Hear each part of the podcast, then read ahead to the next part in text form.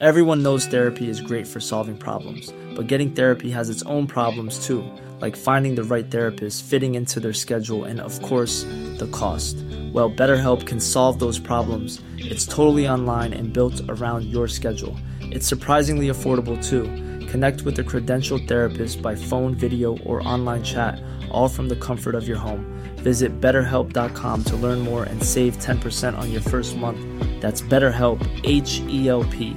When you're ready to pop the question, the last thing you want to do is second guess the ring. At Bluenile.com, you can design a one of a kind ring with the ease and convenience of shopping online. Choose your diamond and setting. When you find the one, you'll get it delivered right to your door. Go to Bluenile.com and use promo code LISTEN to get $50 off your purchase of $500 or more. That's code LISTEN at Bluenile.com for $50 off your purchase. Bluenile.com code LISTEN. Burrow is a furniture company known for timeless design and thoughtful construction and free shipping, and that extends to their outdoor collection. Their outdoor furniture is built to withstand the elements, featuring rust-proof stainless steel hardware, weather-ready teak, and quick-dry foam cushions. For Memorial Day, get 15% off your Burrow purchase at burrow.com slash ACAST and up to 25% off outdoor. That's up to 25% off outdoor furniture at burrow.com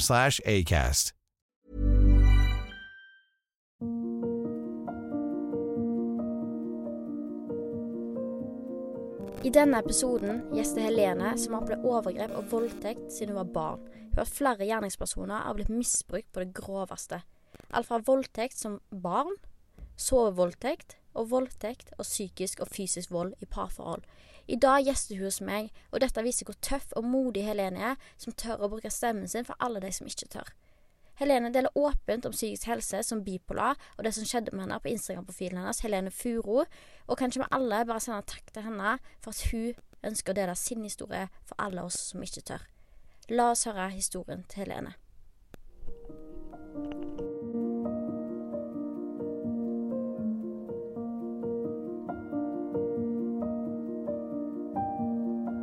Nå sitter jeg her med Helene, og hun skal fortelle sin historie. Så egentlig kan du bare begynne fra start. Jeg var et barn som var ganske glad, og jeg var veldig klovn. At jeg sprang liksom rundt, jeg hoppa rundt, jeg dansa. Uh, ingen kunne se at jeg hadde det vondt i meg, og alt jeg opplevde. Um, det tok ca. 20 år før jeg turte å innrømme hva som hadde skjedd, skjedd med meg. Mm. Fra jeg var seks-sju år til rundt ti-elleve år så opplevde jeg x antall overgrep fra samme, samme person. Det skjedde ja, så mange overgrep eh, som jeg ikke skjønte sjøl at det ikke var at det var overgrep. Jeg skjønte ikke at det ikke var lov. Eh, jeg skjønte ikke hva som skjedde. Så jeg gikk rundt i 20 år og skamma meg og trodde kanskje at alt bare var en drøm. At jeg hadde innbilt meg at det hadde skjedd. Men kroppen min husker jo. Det Det er vanskelig å Stoppa helt. Det går fint. Det går fint. Det var en person som sto meg ganske nær. Eh, som har gjort det enda vanskeligere med å være åpen. Men eh, hvordan utvikla det seg på en måte til en relasjon da, til å bli på en måte overgrep? Mm, det var um, på grunn av det som hele starta med, som jeg tror det kan være på grunn av at vedkommende så veldig masse på porno. Og da ville vedkommende prøve det på meg. Og jeg var jo veldig liten. Jeg har liksom aldri hørt Jeg visste ikke hva sex var, eller uh, Jeg kunne liksom ingenting om det, så jeg skjønte ikke hva som skjedde. Mm. Men jeg ble jo tvunget til å, å se på porno. Og så skjedde det med meg etterpå. Og som seks-sjuåring så skjønte jeg ingenting. Nei. Kroppen din vil jo gå i panikk. Ja, Det er jo traume som er påført.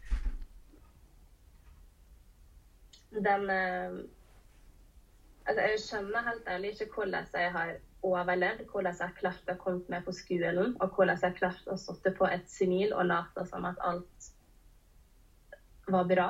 For det er ingen i nærheten, ingen lærere, ingen som kunne skjønne hva som skjedde meg. Mm. Det var ikke én varsellampe. Når jeg kom på skolen, så var jeg like blek i ansiktet. Og læreren kom til meg og spurte om jeg var syk. Så jeg bare nei, eh, jeg føler meg greit. Og bare du er så blek i ansiktet. Kanskje du skal dra hjem. Så endte jeg med at jeg måtte ta på meg sekken min, og så gikk jeg hjem. Det var sikkert fem minutter å gå hjem fra skolen. Og så ble jeg sittende der i, i, med tankene mine. Mm. Og så kom jeg på skolen neste dag, hoppa dansende glad. Jeg lagde teater i friminutter. Jeg var liksom alltid show, show, show, show på meg. Men jeg tror kanskje det var noe Jeg tror jeg ville at folk skulle gi meg oppmerksomhet. Og skjønne at det kanskje vi skal snakke med henne. Mm. Det kan jeg kjenne meg veldig igjen med, for jeg har alltid vært veldig sånn Jeg har alltid vært veldig glad i oppmerksomhet. Jeg har alltid likt å være midtpunktet. Alltid likt å på en måte skrike høyest, synge høyest på forestillingene. At jeg på en måte alltid er oppe da. Og det tror jeg har vært et søk om oppmerksomhet i underbevisstheten min. Men jeg har bare blitt oppfatta som at jeg liker å være midtpunktet, og jeg liker å bli sett, og jeg liker å være overalt. på en måte. Men jeg tror egentlig det har vært måte, mitt rop om hjelp, da. Ja, det tror jeg også. Det er mange som syns at jeg har vært for masse. Mm.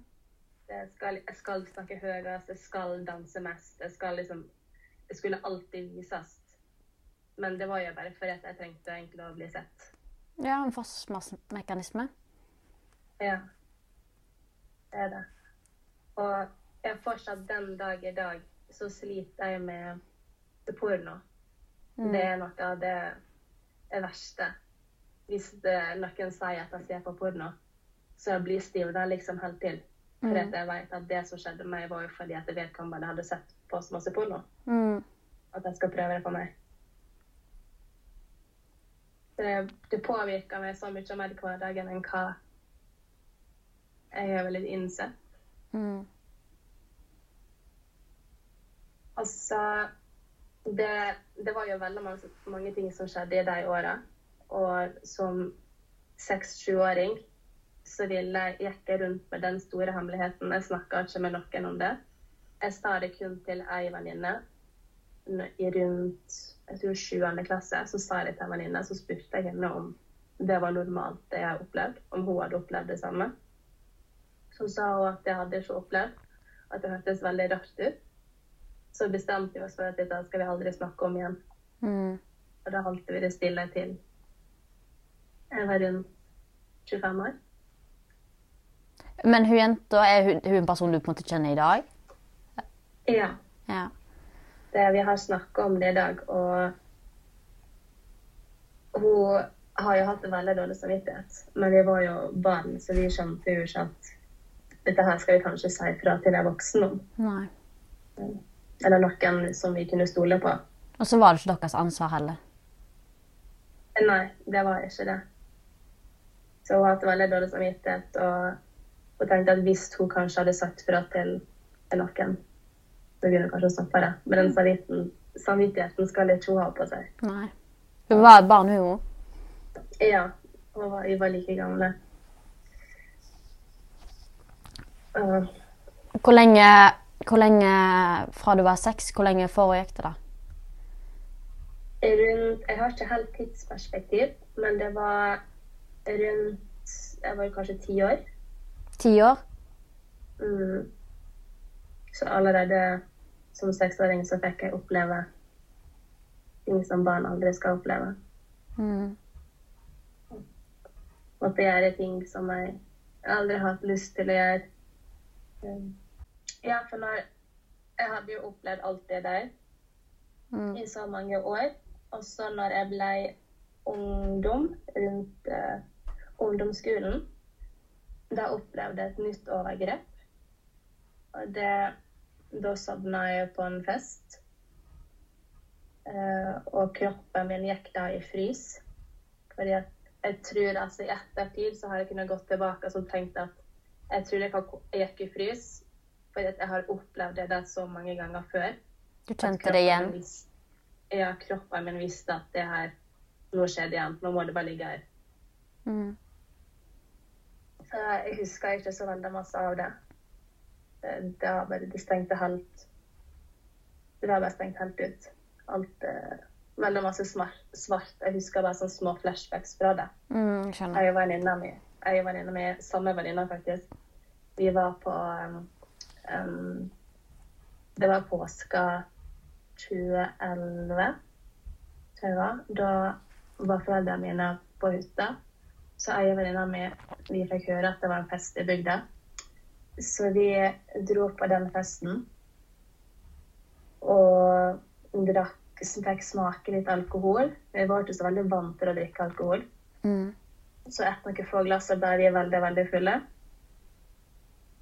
Og så gikk vi videre på nach, og da hadde jeg gått og lagt meg, så hadde vedkommende kommet inn på rommet, og da hadde jeg liksom allerede sovna.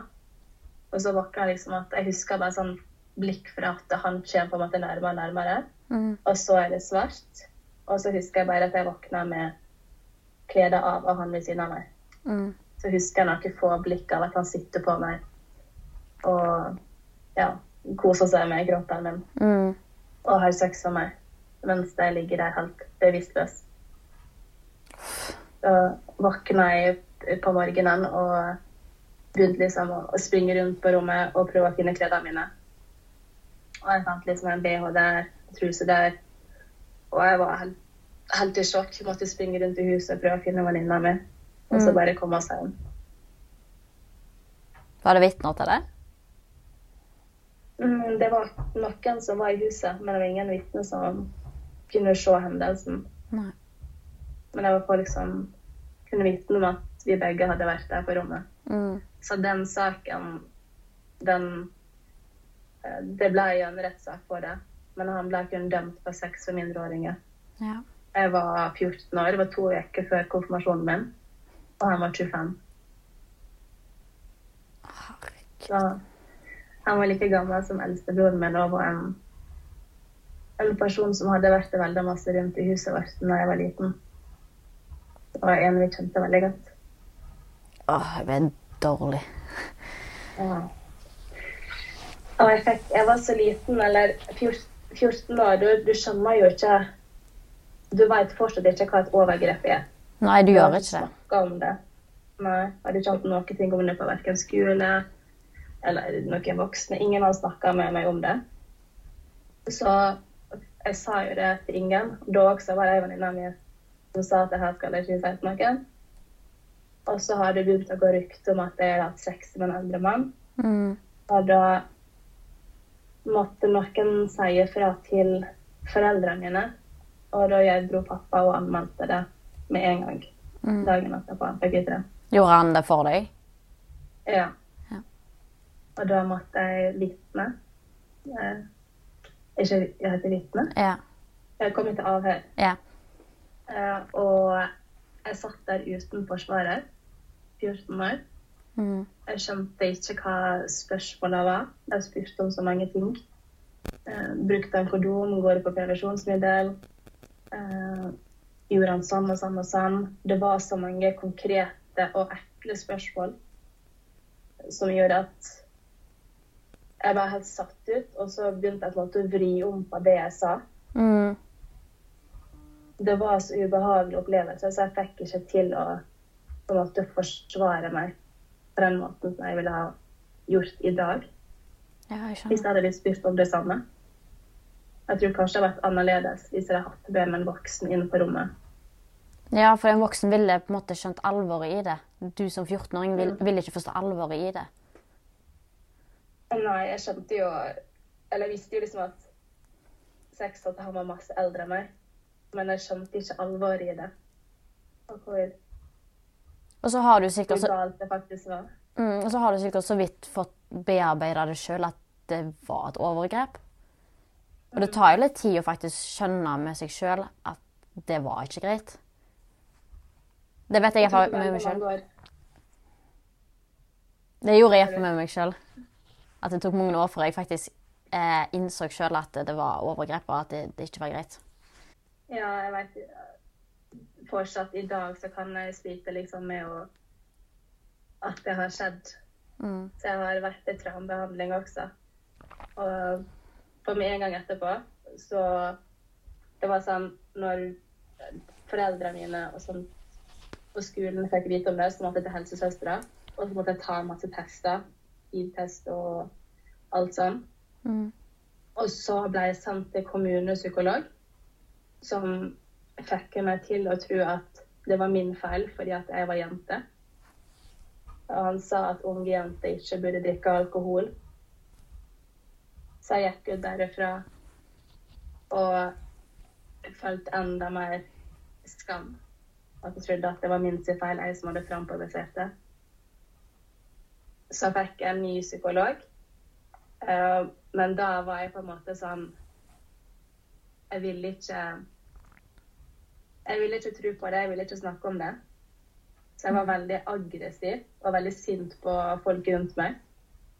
Så når de ville at jeg skulle begynne med traumebehandling med en gang, så var jeg ikke der. Jeg hadde, jeg hadde ikke fått tid til å bearbeide det. Og jeg ville ikke snakke om det. Nei. Så det endte bare med at jeg begynte å feste mer. Eh, Jeg begynte å drite i skolen. Jeg brydde ikke meg om karakterer og tentamen. Jeg fulgte ikke med. Alt jeg tenkte på, ville bare ut og drikke som 14-15-åring. Mm. Så jeg distanserte meg veldig fra det. Mm. Det, er for, det er forståelig, Oda. Ja. Så jeg tror da utvikla jeg bipolaren etter den traumen der. Og alt som jeg opplevde som barn, at det på en måte var bare prikken over i-en, og så eksploderte alt. Mm. Skjønner. For det er er noe du har fått diagnosert i ettertid, det er ikke noe du har hatt når du var barn? Nei. Eh, Jeg fikk diagnosen når jeg var 21 år, jeg. Mm. Det er rundt 21-22 år. I 2018. Men jeg tror allerede tegnene var der på mm, etter overgrepet. Mm. Det var da det på en måte begynte å bli en skikkelig trassunge, og jeg var veldig høyt oppe. Og så gikk jeg liksom ned en dypdal etterpå, og så gikk jeg opp igjen, og så gikk jeg ned igjen. Mm. Til slutt så var det så alvorlig at jeg trengte å få hjelp. Ja. Så jeg pusha bare med mer og mer og mer. Til slutt så gikk det ikke. Da gikk på en smell når jeg var 20 år. Mm. Og da måtte jeg begynne å ta inn, ta inn alt som jeg har opplevd, og jobbe med det. Mm. Den dag i dag så er jeg 26 år og ufør. Fordi at jeg har bare ignorert alle signaler i kroppen min og bare pressa meg Mm. og prøvd å ikke tenke på alt som har skjedd, alt jeg har opplevd. Og så eh, Når jeg var Det var rett etter jeg fikk bipolardiagnosen, så møtte jeg en fyr på Tinder som Det var veldig mange røde varsellamper når jeg først matcha med han. Men jeg tenkte at jeg må bare prøve, for han virka spennende. Han var veldig flink til å manipulere. Mm. Og han sa liksom Han sa så mange fine ord til meg. Og jeg, jeg trengte liksom å høre det. Men jeg sa også det ærlige og stygge tinga. Mm. Men jeg trodde kanskje at det var sånn det skulle være. Ja. At jeg trengte å Jeg trengte å ha en person som var streng med meg og slem med meg. For at jeg følte ikke at jeg fortjente noe bra. Og etter hvert som jeg fikk møte han, så første kvelden når jeg hadde kjørt og henta han og tok meg hjem til huset mitt, så kasta han meg ned på senga og dro av meg buksa og hadde sex med meg i min egen seng hjemme hos foreldrene mine. Eh, og det var bare starten på et helvete, mildt sagt. Det, han tvang meg veldig masse til å ha sex med ham, til å suge ham. Og en gang så kjørte vi bil, og han ville at jeg skal suge han mens vi kjørte bilen. Så sa jeg at nei, det vil ikke. Så maste han og maste og maste. Til slutt så stoppa han bilen. Gikk ut døra, åpna døra mi, og så spurte jeg hva skal du nå. Så gikk jeg ut av bilen, og da tok han tak i meg og skubba meg sånn at jeg slo hodet i bilen. Og så pressa meg inn i setet, og så hadde han sex med munnen min. Han bare sto der og pulte munnen min, rett og slett. Helt til han kom. Så satte han seg i bilen igjen og kjørte. Og der var alt. Alt normalt. Og det der skjedde så mange ganger. Eh, til og med når jeg sov, så kunne jeg våkne av at han ville ha sex med meg. Og du kan tenke som et forhold, så er det vanlig å ha sex, men dette var veldig aggressiv Mm. sex der jeg det, Han tok ikke hensyn til meg, da. Han bare kjørte på Mm. til han kom. Og det var vondt. Det var Å kunne slå. Noe skubbe. Eh, sa veldig mange stygge ting. Kunne kalt meg hore, løs, feit. Han sa så masse stygge ting. Og så Jeg følte meg så utrolig dritt, men samtidig så følte jeg at jeg fortjente det. Kan, jeg, kan jeg spørre om det, siden du sier at du følte du fortjente det? At, om det ligger i at du på en måte har følt skam over det som har skjedd tidligere? Ja. Eh, helt siden jeg var liten, så har jeg blitt misbrukt av menn. Eller, ja, misbrukt. Og jeg har aldri følt at jeg var bra nok eller pen nok, eller at jeg fortjente å bli elska. Så når jeg fant han, så trodde jeg at det var sånn det skulle være. For jeg kunne ikke skjønne at noen kunne elske meg.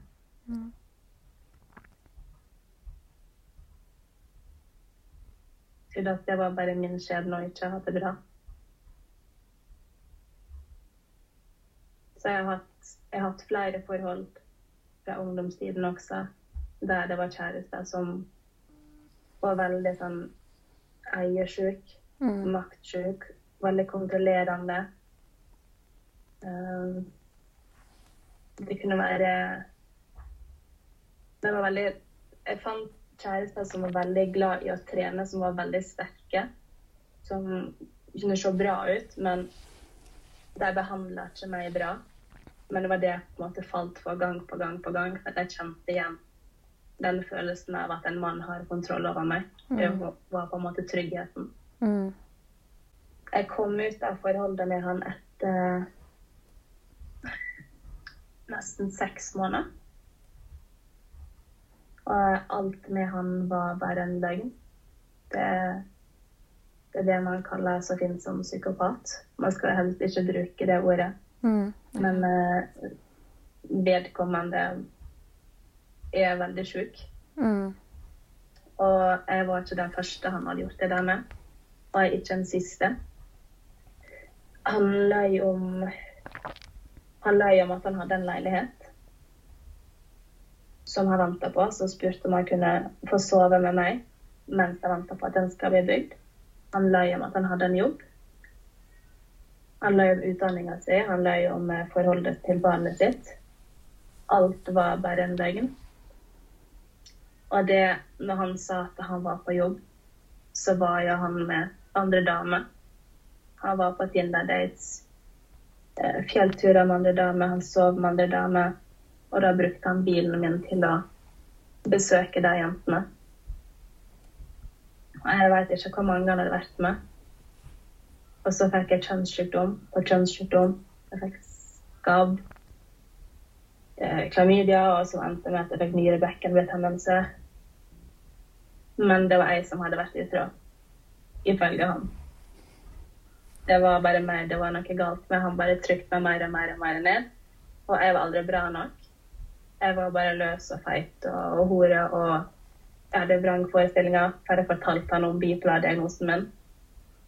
Og det var liksom Jeg møtte han tre måneder etterpå at jeg hadde fått den. Og så sa han at det var for jeg hadde vrangforestillinger. At jeg hadde innbilt meg at Jeg hadde innbilt meg om at jeg hadde hatt, fått klamydia, eller at han hadde vært med andre, eller at jeg hadde sett en truse i fingeren. Meldinger jeg hadde fått fra folk. Han kunne sitte oppe om natta og gå gjennom hele telefonen min og dataen min, fra sa han sov.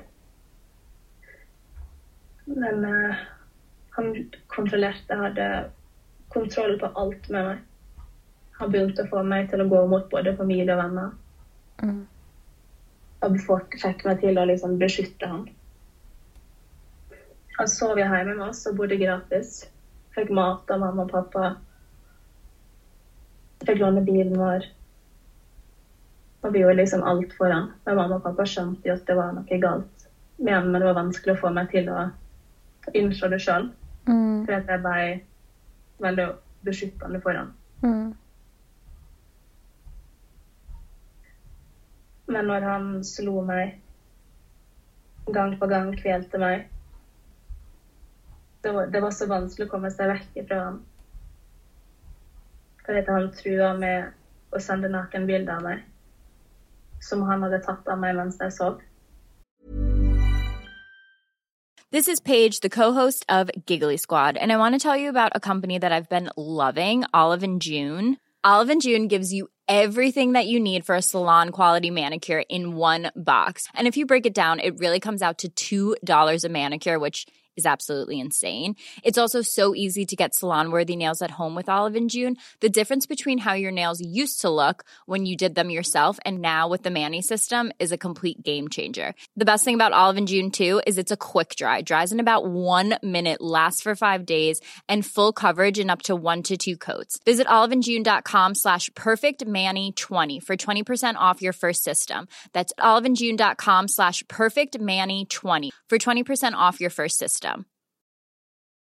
Hi, I'm Daniel, founder of Pretty Litter. Did you know cats tend to hide symptoms of sickness and pain? I learned this the hard way after losing my cat, Gingy. So I created Pretty Litter, a health monitoring litter that helps detect early signs of illness by changing colors, saving you money and potentially your cat's life. Pretty Litter is veterinarian developed, and it's the easiest way to keep tabs on your fur baby's health right at home. Go to prettylitter.com and use code ACAST for 20% off your first order and a free cat toy. Terms and conditions apply. See site for details.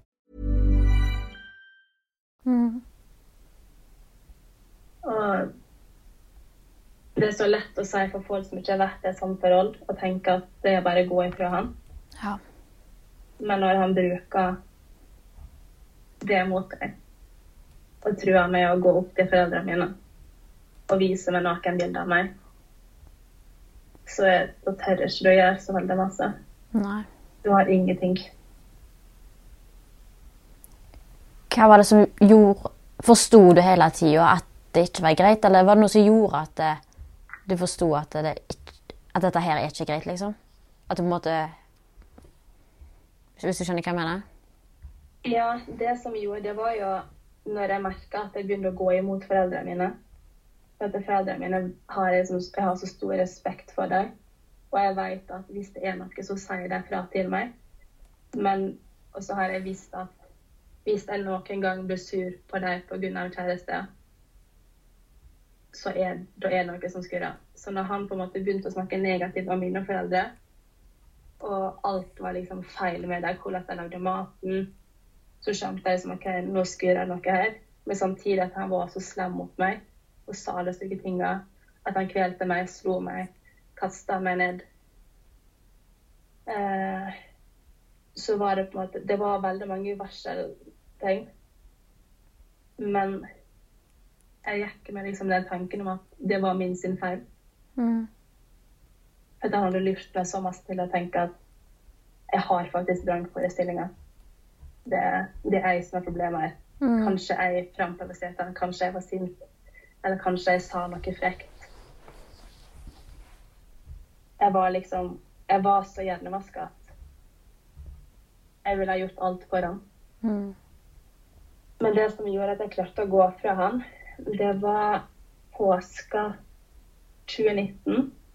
Så dro vi til Åre med en gjeng av han. Jeg har aldri møtt vennene hans før. Og da tenkte jeg sånn Å, det er sikkert gøy å liksom få møte deg. Og da så jeg at han endra personlighet med en gang vi møtte deg. Og han var veldig frekk og snakka veldig stygt til meg foran deg. Og sa veldig mange stygge ting om meg. Og så begynte vi å drikke, og han ble bare fullere og fullere og fullere. Og han ble veldig hardhendt. Til slutt så hadde, hadde han trodd at jeg hadde klina med Eller prøvd meg på kompisen hans. For at jeg hadde gått på do. Og så hadde kompisen kommet, ut av do litt før. Og da svertna det for han. Så han tok og skubba meg, og kasta meg inn i senga som jeg sto og høvde, og kvelte meg. Og det var i Sverige, som er ganske langt der jeg kommer fra. Mm. Og da kom vennene hans inn til meg, og så sa de at det der er ikke første gang han gjør, at jeg burde holde meg unna ham. Han har vært i fengsel, og det der før. Og der ringte foreldrene mine og sa hva som hadde skjedd. Og da sa de at du må vekk. Du, du kan ikke være her. Og han endte meg i glattcella. Han var så sur og så full den kvelden. Eh, For vi hadde krangla så masse. Så pappa kjørte da fra Sunnmøre til Sverige. Jeg vet ikke hvor mange timer det er. Han kjørte hele natta. Kanskje ti timer. Nei. For å hente meg. Og da lot vi han være igjen i Sverige med alle, alle Vi tok alle tingene hans.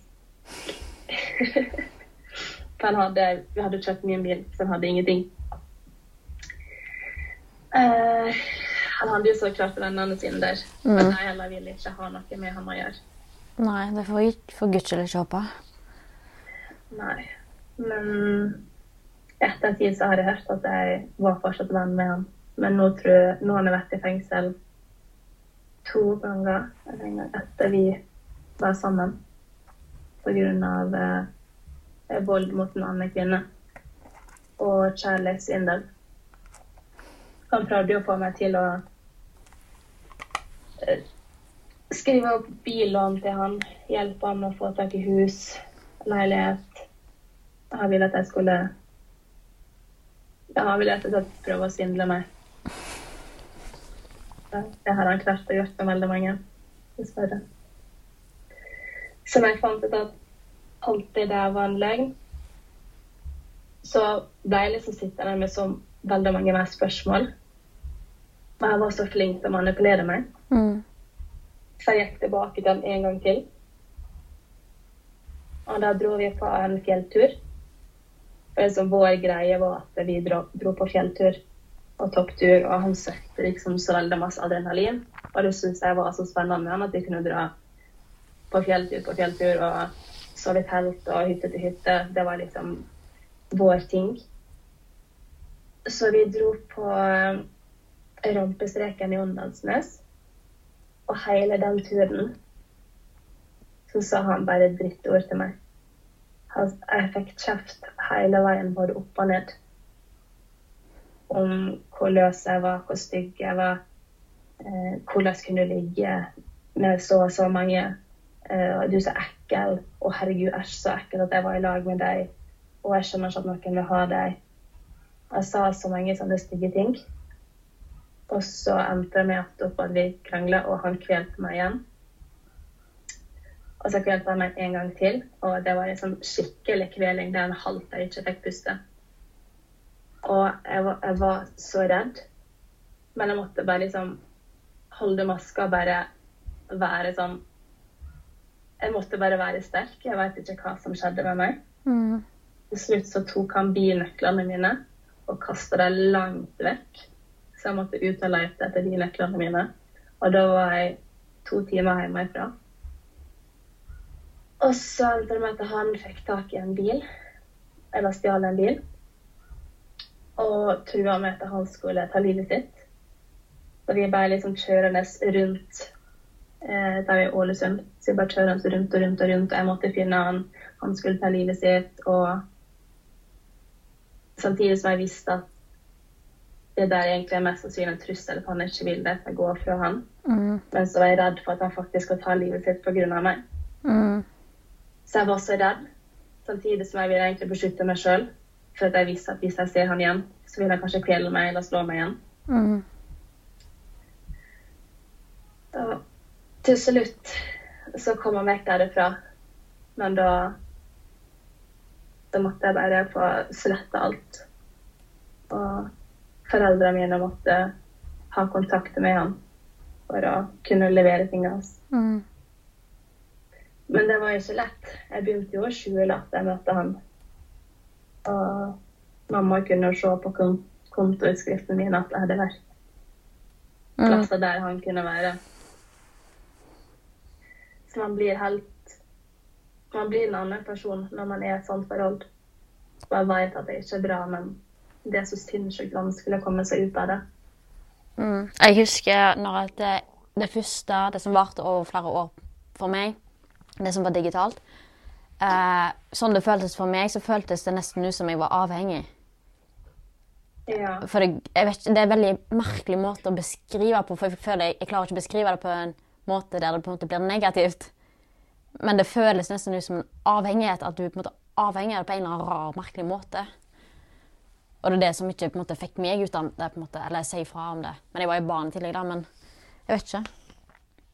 Men i tillegg, i etterkant òg, sånn når jeg ser tilbake på ungdomstida mi, så ser jeg jo at jeg har jo søkt den samme bekreftelsen, for jeg har jo vært i dårlige forhold. Jeg har møtt dårlige menn dårlige, med dårlige holdninger, dårlige verdier og behandler meg dårlig. Og alt det der har jo søkt den samme bekreftelsen som jeg fikk tidligere av mine overgripere. Hvis du skjønner. mm, Jeg skjønner veldig godt. Det er veldig rart, det der. Mm. Det er jo en trygghet. Det er det man er vant til. Og Mm. Og så er det den der vet så godt at det er ikke bra. Mm, Det er den der skammen, liksom, for du er så vant med den der skammen, og så vil du på en måte rettferdiggjøre den skammen. Jeg vet ikke, Det er veldig vanskelig å forklare. Ja. Stemmer. Nei, det er veldig vanskelig å forklare hvor, hvor det kommer fra. Hvorfor det er sånn. Men det er jo det Når du på en måte For man har opplevd sånne ting som barn, og så blir man voksen, så sitter man liksom fortsatt tilbake med den tryggheten, den skammen, den skylden Mm.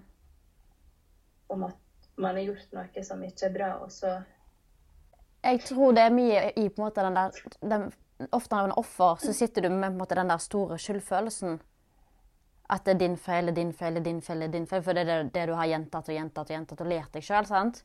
Eller blitt fortalt sånn som du fortalte, sant? eller blitt lært det, eller blitt sagt det til at det er din feil. sant?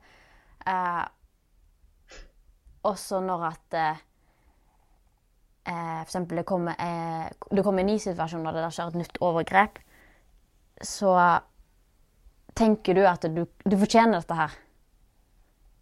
For du vet på en måte ikke om noe bedre, da. Ja, det er akkurat det du tenker, at det her fortjener du. Mm. Jeg sliter sånn fortsatt i dag med å, å tro på at jeg kan bli elska. Mm. At jeg fortjener å ha et forhold som er bra. At jeg fortjener en kjæreste som vil meg bra. Mm.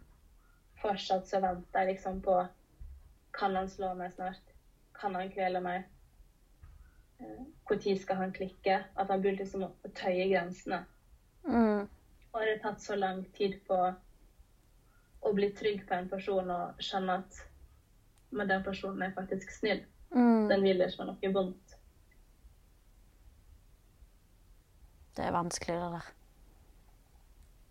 For det er nesten som at du må lære på nytt. Ja. Det du skulle lært for ti år siden. For den, Jeg har jo ikke lært det. nei, for den tryggheten er der ikke.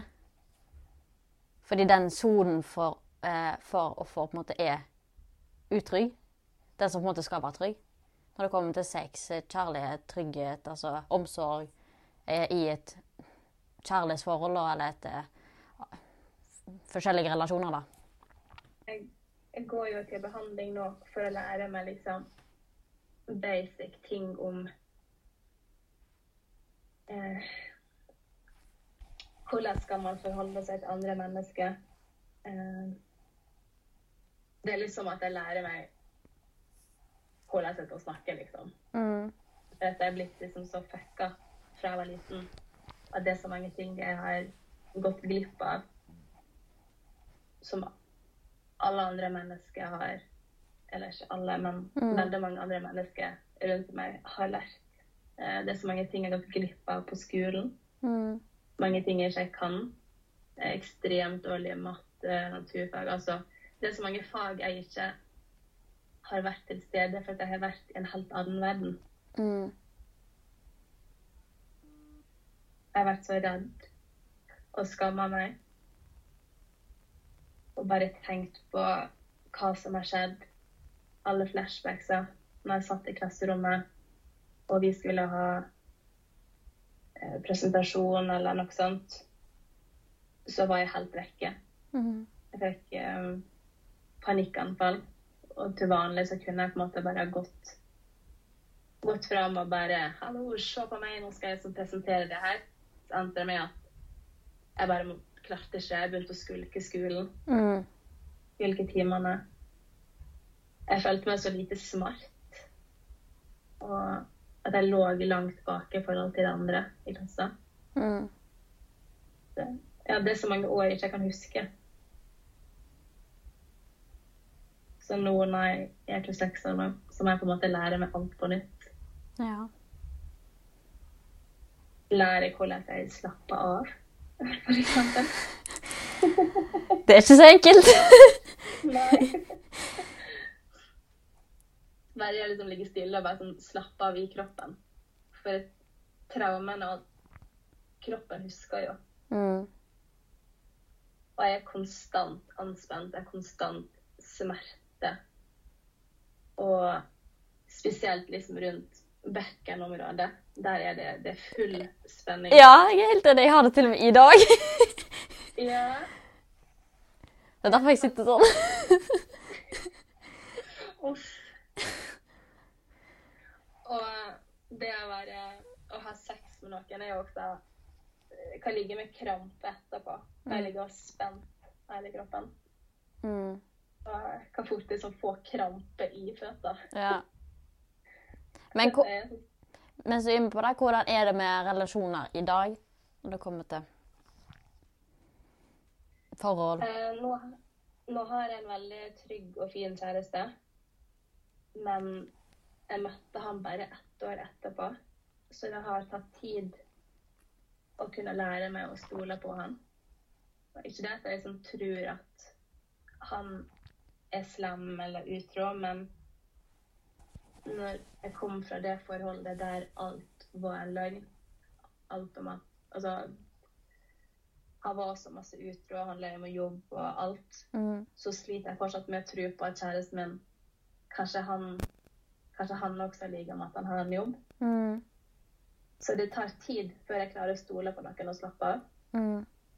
Eh, men vi har vært sammen i tre år nå, og vi kjenner hverandre så godt nå. Han har vært med meg fra jeg på en måte var på mitt laveste. Så jeg har på en måte vokst sammen. Mm. Og jeg føler meg veldig trygg på han. Og så klart så tester jeg liksom fortsatt grenser. Men han er, en, han er en person som er veldig sånn forståelsesfull. Mm. Så, og han liker ikke å krangle. Og det er på en måte vant til at kjærester og at han skal krangle med meg. Og Mm. lage styr og bli veldig aggressive. Men hvis jeg på en måte prøver å teste grensene og prøver å krangle litt, så er jeg sånn åh, ikke gidd. Vi kan snakke om det her, vi trenger ikke å bli sint. Nei. Så jeg da, Oi! OK. så vi kan snakke om ting, men vi har ikke så, vi har ikke så oppheta diskusjonene Nei. Og slåssinga som jeg på en måte er vant til. Og det Mm. føles veldig godt. Det er veldig fint å ha møtt noen som faktisk vil at jeg skal ha det bra, og at vi skal ha det bra. Mm. Og det fortjener du. Ja, det fortjener jeg. Ja. Men det er noen ganger at man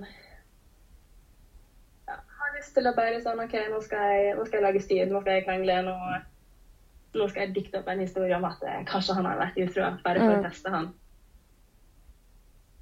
For det var jo det kjærestene mine har gjort mot meg. Ja. har vært veldig sykelig sjalu. Så det er en, det er en trygghet, det òg. Jeg tenker at sjalusien er det sånn kjærlighet skal være. Mm. Ja. Og sjalusi kan på en måte være bra på mange måter, å vise at man bryr seg. Mm. Men når man på en måte er bare sykelig sjalu, der er det snakk om konstant overvåkning, ha folk som følger med på deg, lager masse falske profiler Mm. og prøver liksom å teste meg. Ja. Det går jo en grense på å på en måte ha sjalusi fordi du bryr deg om personen, og at du bryr, ja, er glad i personen og bryr deg, og ønsker personen det beste. Og at eh, det går til at eh, du prøver å styre personen, hva han tenker, hva han gjør, eh, hvem han møter, hvem han ikke møter, og ja, omgås med. Ja. Men man blir fort blind på det òg. Man blir veldig blind på det.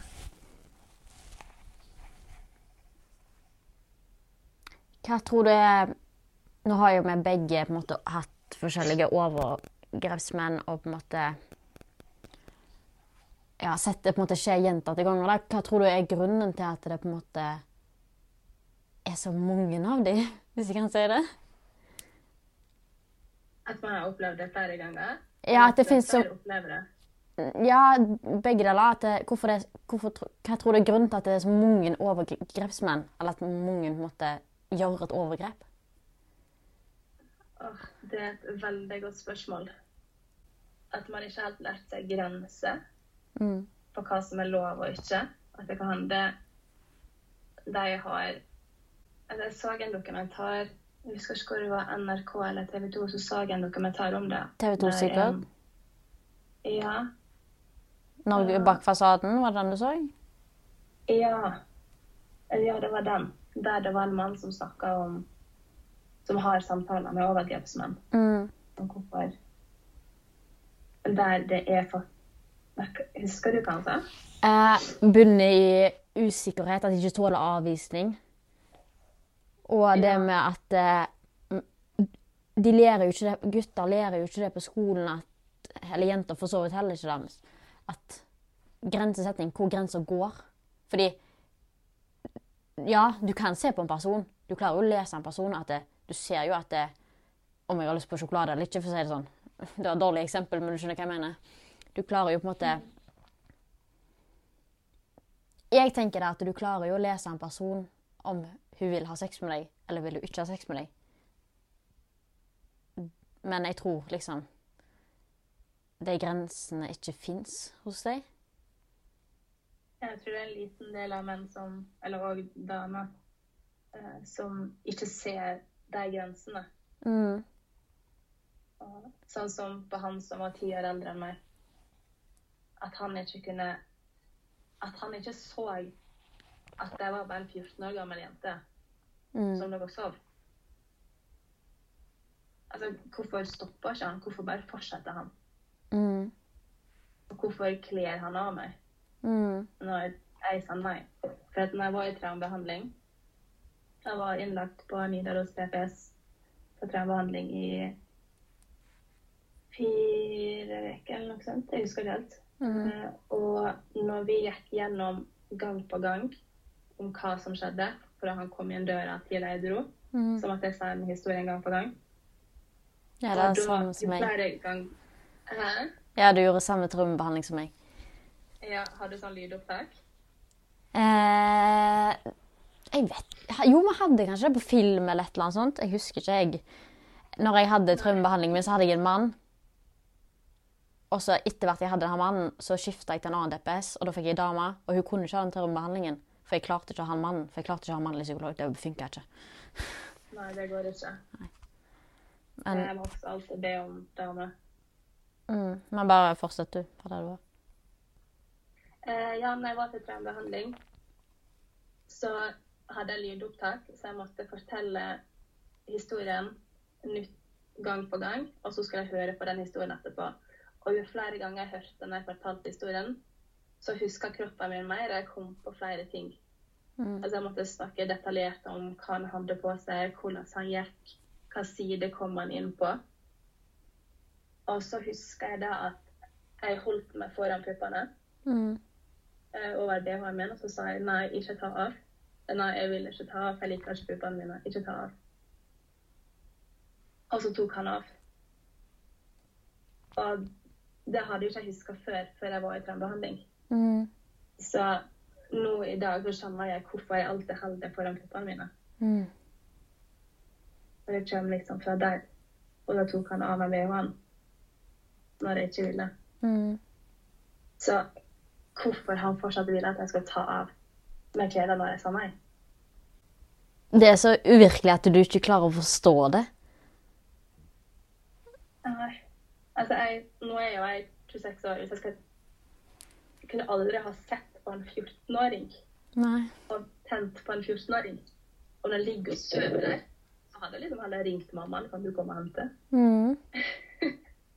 Det ville jo en normal person tenkt, tenker jeg. Ja.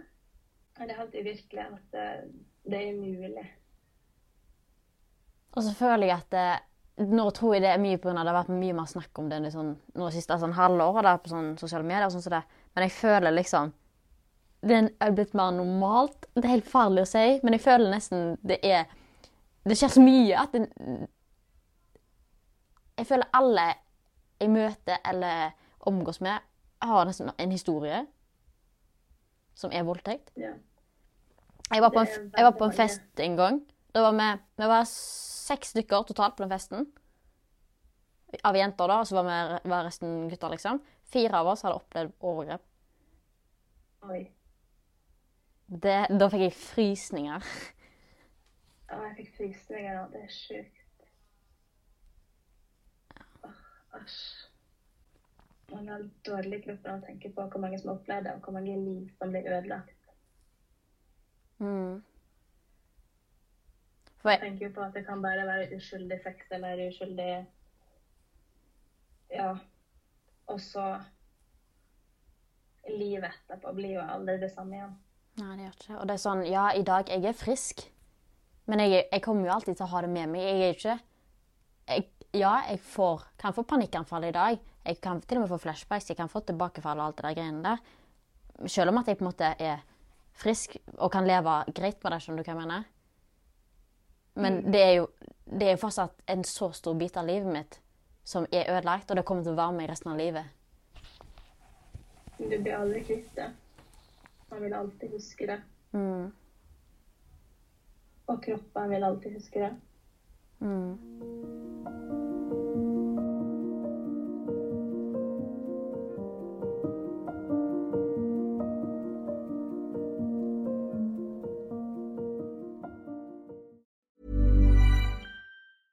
Mom deserves the best, and there's no better place to shop for Mother's Day than Whole Foods Market. They're your destination for unbeatable savings, from premium gifts to show-stopping flowers and irresistible desserts. Start by saving 33% with Prime on all body care and candles. Then get a 15-stem bunch of tulips for just $9.99 each with Prime. Round out Mom's menu with festive rosé, irresistible berry chantilly cake, and more special treats. Come celebrate Mother's Day at Whole Foods Market. Planning for your next trip? Elevate your travel style with Quince. Quince has all the jet setting essentials you'll want for your next getaway, like European linen, premium luggage options, buttery soft Italian leather bags, and so much more. And it's all priced at 50 to 80% less than similar brands. Plus, Quince only works with factories that use safe and ethical manufacturing practices. Pack your bags with high-quality essentials you'll be wearing for vacations to come with Quince. Go to quince.com slash trip for free shipping and 365-day returns. Planning for your next trip? Elevate your travel style with Quince. Quince has all the jet-setting essentials you'll want for your next getaway, like European linen, premium luggage options, buttery soft Italian leather bags, and so much more. And is all priced at 50 to 80% less than similar brands. Plus, Quince only works with factories that use safe and ethical manufacturing practices. Pack your bags with high-quality essentials you'll be wearing for vacations to come with Quince. Go to quince.com/pack for free shipping and 365-day returns.